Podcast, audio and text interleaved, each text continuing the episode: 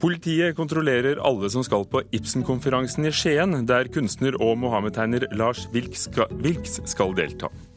Å lage videoer som blir populære på YouTube er levebrød for stadig flere nordmenn. Det siste året er det dukket opp tre norske selskaper som hjelper youtubere. Derimot er veksten stanset opp for et annet internettselskap. Twitters nye sjef svarer med å si opp ansatte. Og mens Norge opplever økt innvandring, har Eirik Ingebrigtsen skrevet en spennende bok om hvordan det er å møte fremmede i egen hage. Vår litteraturkritiker kommer hit til Kulturnytt, som i dag er ved Ugo Fermariello. Politiet øker sikkerheten rundt Ibsen-konferansen i Skien, som åpner i dag. Årsaken er at den svenske kunstneren Lars Wilks skal delta.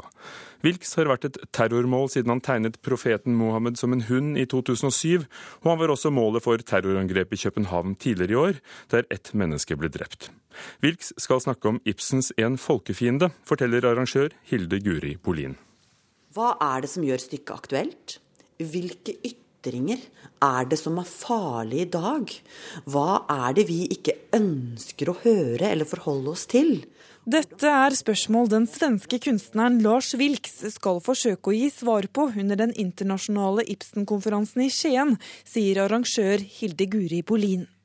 Han er invitert for å snakke om Ibsens 'En folkefiende', fordi han selv er ansett for å være en folkefiende, sier hun. Ja, når vi skulle diskutere hvem er det som er dagens folkefiende, så kom det jo mange navn opp der, men Lars Wilks var jo en av de. Og han blir jo da mange ansett for å være en folkefiende. Og han er en kunstner som jobber da nettopp i det feltet, som vi da har tenkt kan si noe om dette. Kunstneren Lars Wilks har vært et terrormål helt siden han tegna profeten Mohammed som en hund i 2007. Terrornettverket Al Qaida har utlova en dusør på 100 000 dollar til den som klarer å ta livet av Wilks. Og flere har prøvd. Trolig var Wilks målet for terroren i København tidligere i år, der én mann ble drept og tre politimenn ble såra. I 2011 ble tre menn anholdt og senere tiltalt for å ha planlagt å drepe Wilks. I 2010 ble hjemmet hans utsatt for et brannattentat, og flere mennesker ble ved flere anledninger samme år anholdt for å ville drepe kunstneren. Politistasjonssjef i Grenland og sikkerhetsansvarlig for arrangementet, Annie Sandersen, sier at de har en økt beredskap som følge av at Lars Wilks er til stede under konferansen. Politiet har gjort forebyggende tiltak knytta til eh, konferansen, og vi har selvfølgelig et økt sikkerhetsfokus. Og vår plan er at arrangementet det, at det kan gjennomføres på en planlagt måte og på en trygg måte. Hvordan vil publikum merke at det er en eh, styrking av beredskapen rundt eh, denne konferansen? Først og fremst at politiet vil være til stede, og at vi vil gjennomføre en adgangskontroll sammen med arrangøren. Mitt hovedfokus er ikke at Lars Wilks er et terrormål. Jeg mener at det er en bit som politiet må ta seg av. Eh, jeg er eh, litt spent og litt nervøs og gleder meg veldig. Men det er, eh, når det er sagt, den innholdsmessige delen av konferansen som jeg forholder meg til. Politiet i Grenland vil ikke gå i detalj på hvor mye ekstra sikkerhetsressurser de setter inn under Wilks-besøket på Ibsen-konferansen. Eh, Politiets sikkerhetstjeneste PST sier at de er kjent med at Wilks skal delta, men at det er det lokale politiet som håndterer sikkerheten. Reporter i saken Solfrid Leirgull Øverbø.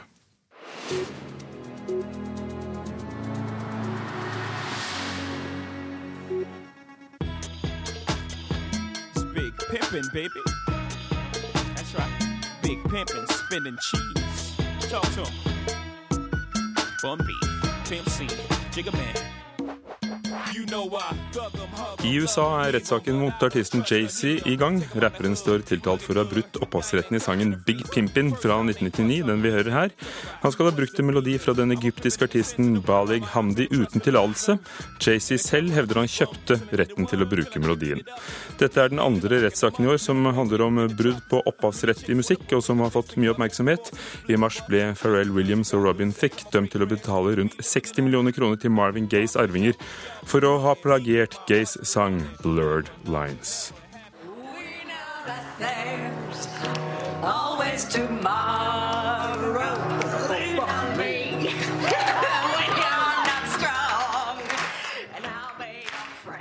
I forrige måned stilte Hillary Clinton opp i det populære amerikanske humorprogrammet Saturday Night Live, og det hørtes sånn ut som dette her.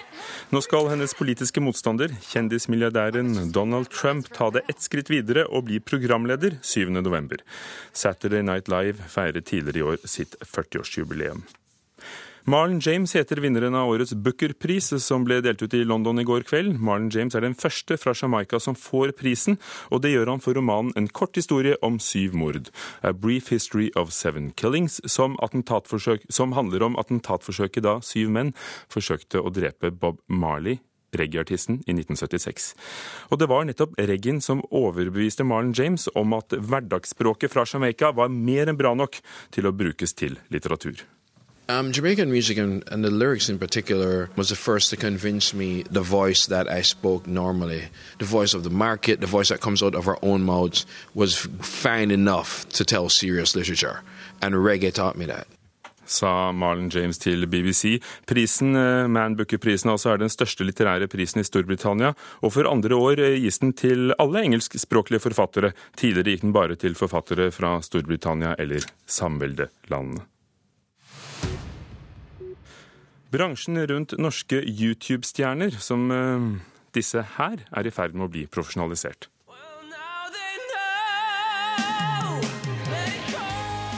Ja, det var eh, Preps og Dennis vi skulle høre fra. De er blitt store på YouTube. For halvannet år siden fantes det ingen norske medieselskaper for de som lager filmer til det populære nettstedet som lar alle legge ut videoer. I dag er tre ferske YouTube-nettverk på kort tid knyttet til seg over 350 norske kanaler på nettstedet. De fleste av dem er talenter i startfasen, mens enkelte har gjort YouTube-videoer til sitt levebrød, og her kommer de.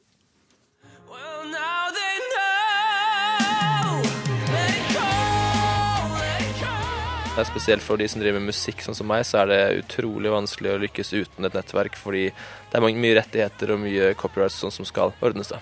Per Fredrik Aasli med artistnavnet Pelle K runda nylig én million abonnenter på YouTube. Fans som vil se videoer der vokalisten synger heavy metal-versjoner av kjente sanger.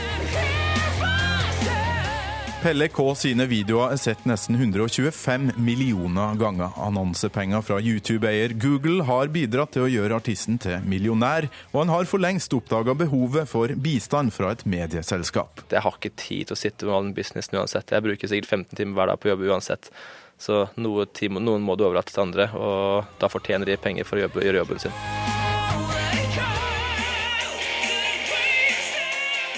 Det er vanskelig å ikke få gåsehud av den der. Så for oss er det jo, og for han er det veldig viktig at at ikke det blir eh, tatt av andre, f.eks. Pelle Åkesen følger Pelle K sine videoer fra kontoret til United Screens sammen med daglig leder Marie Louise Alvær. Enkleste måten å forklare det på er eh, kanskje å si at vi fungerer litt som et plateselskap. Svenskeide United Screens er ett av tre selskaper som har starta nettverk for norske YouTube-stjerner det siste året. I Norden vi henger jo litt etter USA, så de har jo hatt en stor fart lenge. Nå Plutselig så eksploderer i Norge også.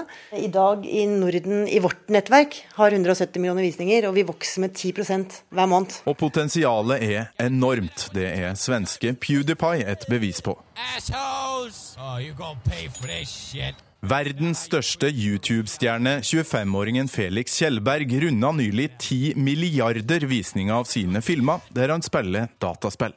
Just fucking great! Flere vil kunne leve av å være YouTuber. Vi har bare sett starten eh, på YouTube-Norge med de stjernene vi har i dag. Hei sann, jeg er Joakim Haraldsen, og velkommen til Uketube seksåring i leksjon til sin mor. Ja, Joakim gjør det programmet her. I tillegg så er han jo en av eh, Norges største youtubere. Nils Ketil Andresen er daglig leder i Norges største YouTube-nettverk Nordic Screens. Han mener en mer profesjonell bransje har bidratt til å gjøre norsk innhold større enn det engelskspråklige. Nå begynner de nasjonale største kanalene og ta over de internasjonale blir større. PewDiePie, som er, vidt, er verdens største, eh, han har jo også vært størst i Norge. Det er han ikke lenger. Er det for Rykende joy fra Pelle K og YouTube-stjerna Pelle K er aktuell som Skal vi danse-deltaker på TV 2, men mener YouTube er mer lukrativt enn vanlig tradisjonell TV. Jeg tror nok folk kommer til å gå mer og mer mot en YouTube-karriere. På samme måte som man ser at mange av de store toppene i f.eks. TV 2 har gått over nå til å starte YouTube-nettverk her i Norge. Man ser jo det at både annonsører og egentlig businessfolk generelt ser vel egentlig hvor pengene og hvor fokuset retter seg, og det går over på de, vekk fra de tradisjonelle mediene og over til YouTube for eksempel, og Netflix og streamende tjenester. Cold never bothered me anyway. Remember to subscribe. Pelle K til slutt, reporter var Torkil Thorsvik. Anders eh, Fagerjord, førsteamanuensis ved Institutt for medier og kommunikasjon ved Universitetet i Oslo. Er det på YouTube vi finner fremtidens stjerner, tror du? Ja, hun finner nok mange av fremtidens stjerner på YouTube. Det tror jeg helt sikkert. Men det er ikke sånn at det kommer til å ta over alt. Det er aldri noe som tar over alt for det gamle. Men eh, for de unge så er YouTube et helt naturlig sted å lete etter videoer for alt mulig rart. Og det er klart at det er noen de kommer til å se på mer enn andre, og noen vil bli berømte. Hvordan fungerer økonomien i det? For når vi hører at veldig unge mennesker tjener veldig mye penger, så lurer jeg på hvordan. Ja, det er sånn som Rockestjerner har også tjent veldig mange, mye penger, men de aller fleste som spiller i band, har ikke tjent noen ting. Og sånn er det på YouTube òg. Eh, Google, som eier YouTube, legger på reklame på videoene. Og hvis du har opphavsrett til det som du har lagt ut, så kan du få 65, eh, nei, unnskyld, 55% av de inntektene. Men skal, du skal ha visninger i titusenvis før det blir noe særlig penger av det. Men vil du si at YouTube først og fremst er et sted eh, for å tjene penger? Et kommersielt sted, eller er det noe helt annet? Først og fremst er YouTube et sted hvor hvem som helst legger ut videoer. Eh, det er hundrevis av milliarder av videoer der ute, og de aller fleste er lagt ut av helt vanlige folk som deg og meg, som ikke har noen intensjon om å tjene så veldig mye penger, og kanskje ikke engang tenker over at det er tilgjengelig for millioner av mennesker, men bare skal dele det med noen.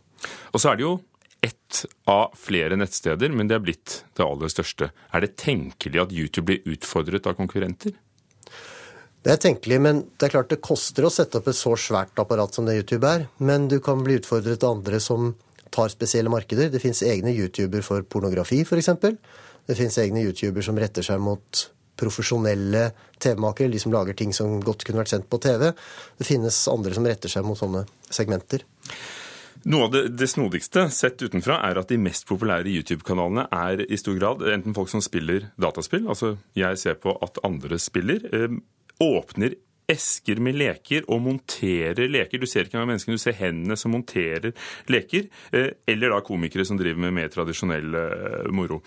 Generelt, hva skal til for å lykkes, for å nå mange? Eh, altså, det er så mange milliarder, eller så mange millioner mennesker på YouTube, sånn at det er mange forskjellige oppskrifter, tror jeg. Du, det er klart at du må vise fram noe som folk er interessert i. Eh, veldig mange lærer bort ting andre spiller eller synger eller forteller sketsjer, så må du som på TV eller alt annet, du må gjøre det på en interessant måte. Det må være gøy å se på det. YouTube er størst blant de yngste. Er det sannsynlig at de vil ta med seg disse medievanene når, når, de blir eldre, slik at de blir enda større fenomen? Ja, det tror jeg helt sikkert. Um, de uh, unge mellom 15 og 30 er de som ser minst på TV, og de som ser mest på YouTube. Uh, og så må vi huske på at YouTube det er jo egentlig overalt. Kjøper du en ny TV nå, så er ofte YouTube eh, installert. Det er på mobilen din, det er på nettbrettet, det er på Apple TV-boksen hvis du har en sånn en. Sånn at eh, YouTube er der overalt. Og mange kommer nok til å se på den, og på lignende tjenester. Takk skal du ha, Anders Fagerjord, eh, medieforsker og førsteamanuensis ved Universitetet i Oslo. Klokken er blitt 17 minutter over åtte. Du hører på Nyhetsmorgen i NRK. Hovedsaken i dag. Selskaper som leverer matkasser på døren, utfordrer dagligvarekjedene. Beregninger NRK har gjort, viser at nordmenn handler matvarer på internett for over 1 milliard kroner i år.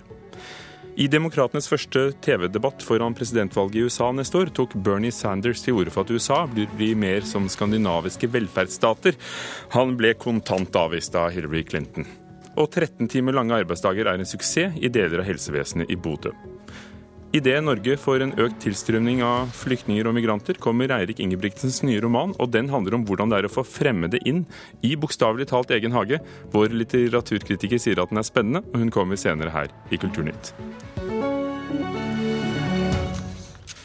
Nettstedet Twitter, som lar folk sende ut korte beskjeder og abonnere på dem du helst vil følge, har 300 millioner daglige brukere, men tjener ikke penger, og det har de aldri gjort. Twitter nedbemanner for første gang etter ni års drift. 336 stillinger, eller 8 av staben, skal bort.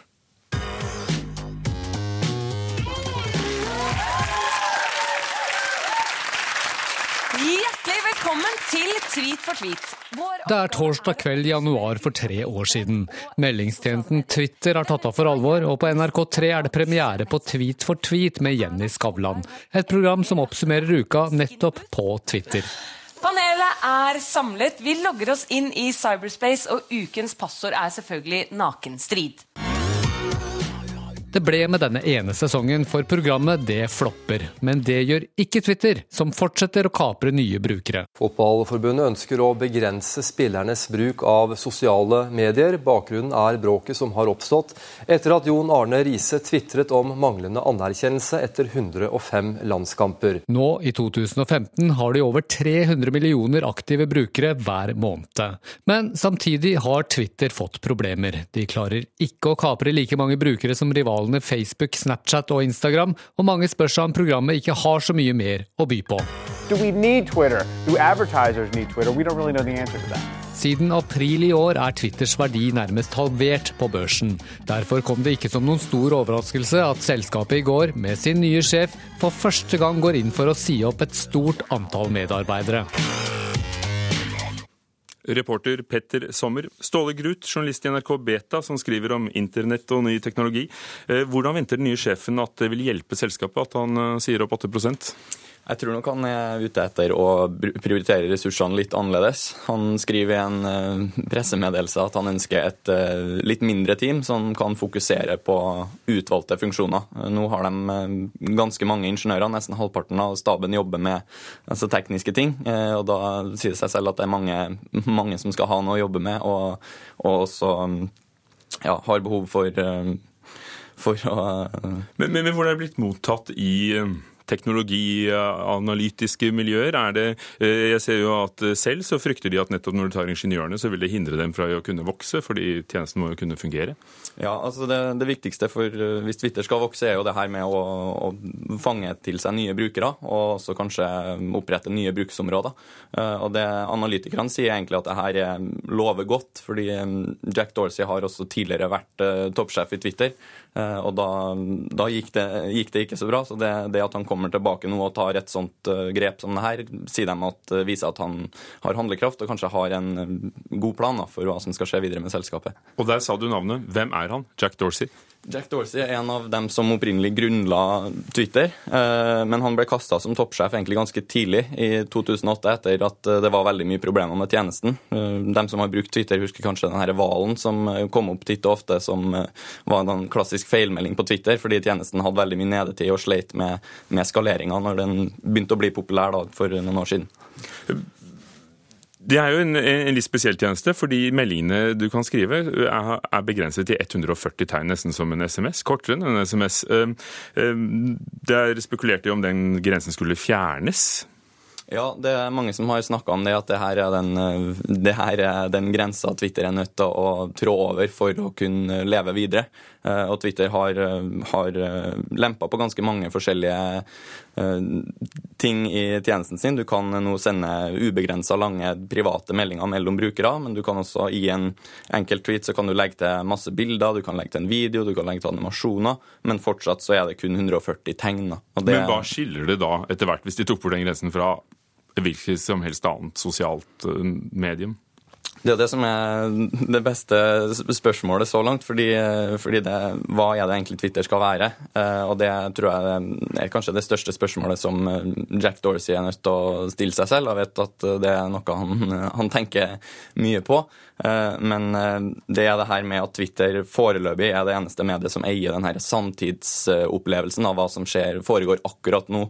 Problemet er at Twitter er ganske stort, så det foregår utrolig mye på, på tjenesten deres, akkurat som det gjør ellers i verden. Så da er det det å finne og prøve å navigere hva, hva er det man skal prioritere, og hvordan skal det her gi egentlig mening for folk. Vi hørte om YouTube, eh, som er blitt en stor kanal. Eh, Twitter sliter med å vokse. Er det noen mulighet til å si hvem som vil fortsette å være de store? Eh, altså, her i Norge så, så, kan du jo se at både Instagram og Snapchat og LinkedIn faktisk har vokst seg større enn Twitter bare på, på rundt et år. Så det, det er, Twitter står på en måte litt i, i, bakleksa i forhold til det å appellere for, for nye brukere. Så det, jeg vil tro at eh, ja, bildedrevne medier og videomedier, sånn som f.eks. YouTube, er det som, som kommer til å vokse. Så da spørs om Twitter da tar grep for å bote på det. Takk skal du ha, Ståle Gruth i NRK Beta. Plyndring av skipsvrak langs, eh, langs norskekysten er blitt et problem. Det mener eh, Monica Bakkeli, som driver et dykkesenter i Gulen i Sogn og Fjordane. Her opplever de ofte at gjenstander forsvinner fra vrakene de besøker på bunnen. De verste ut av eh, disse episodene var det flere titalls gjenstander fra ett-to vrak vi har i vårt område. De har eh, tatt ut eh, vrakdeler med brekkstang for å ta det med seg opp og ta det med seg hjem. Tyveri fra skip er straffbart uansett, men skip som er eldre enn 100 år blir regna som kulturminne, og tyveri her blir straffa under kulturminnelova. Dykkesenteret merker at alt fra vindauger til kopper og fat forsvinner fra vraka. Senere finner de ting igjen på utenlandske nettsider, forteller Bakkeli. Når utenlandske dykkere dykker, så har de ikke samme respekten som, som nordmenn har. Gulen dykkesenter mener det er på tide å stramme inn reglene for utenlandske dykkere. NRK har tidligere fortalt at av dykkere som dør i Norge, er utlendinger i flertall. Både dette og lovbrudd under vann kunne vært unngått, sier Bakkeli ved dykkesenteret. En norsk representant i enhver dykkebåt ville vært godt for sikkerhet, men den har også en egeninteresse i å følge det norske regelverket. Det, det kan ha sine fordeler og sine ulemper, og jeg tror det er et forslag som eventuelt må utredes nærmere. Det sier leder for miljøkrimavdelinga i Økokrim, Hans Tore Høviskeland. De siste ti åra har de registrert sju tilfeller av tyveri fra kulturminnevrak. Her er nordmenn i flertall, men Høviskeland har ikke en samla oversikt over skipsplyndringa. Vi er jo interessert i å høre mer om dette problemet fra Gulen, hvis, et, hvis de mener at det er et stort problem. Men det er vårt inntrykk at de aller fleste dykkere utøver sporten for å oppleve natur og kultur under vann, og følge regelverket. Og reporter her var Marie Osland.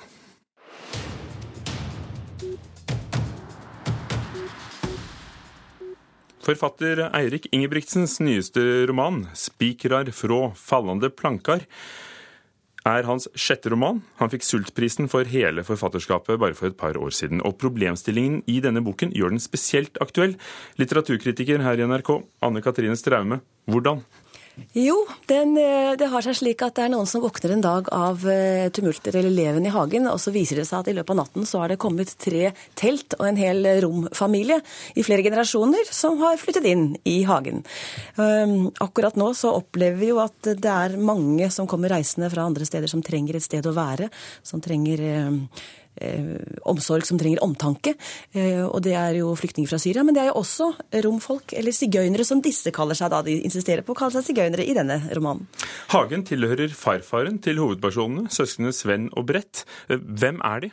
Sven og Bett. Bett er, ja, nettopp. Sven han eh, er student, egentlig filosofistudent, men har nå stoppet studiene for en periode, jobber på ICA. Bett er, har en sånn eh, fysisk skade. Hun er handikappet og trenger noen som passer på henne. Så Sven er på en måte hennes omsorgsperson for tiden. De to bor sammen gratis i dette huset. Um, han, altså det blir jo også en, en, diskusjon da om denne omsorgen for den nærmeste. Er det det som gjør at han kanskje nå, Sven, for han viser omsorg for de som plutselig denne dagen er ute i hagen. Mens Beth, som uh, er den som får omsorg av broren, hun sier 'kom dere til helvete ut av hagen vår'. Så allerede der får du en diskusjon om hvordan man skal ta imot de som kommer kanskje uønsket og i hvert fall uventet inn i våre liv. Er det en politisk engasjert roman? Det er en uh, politisk uh, roman i den eh, forstand at den har et klart budskap.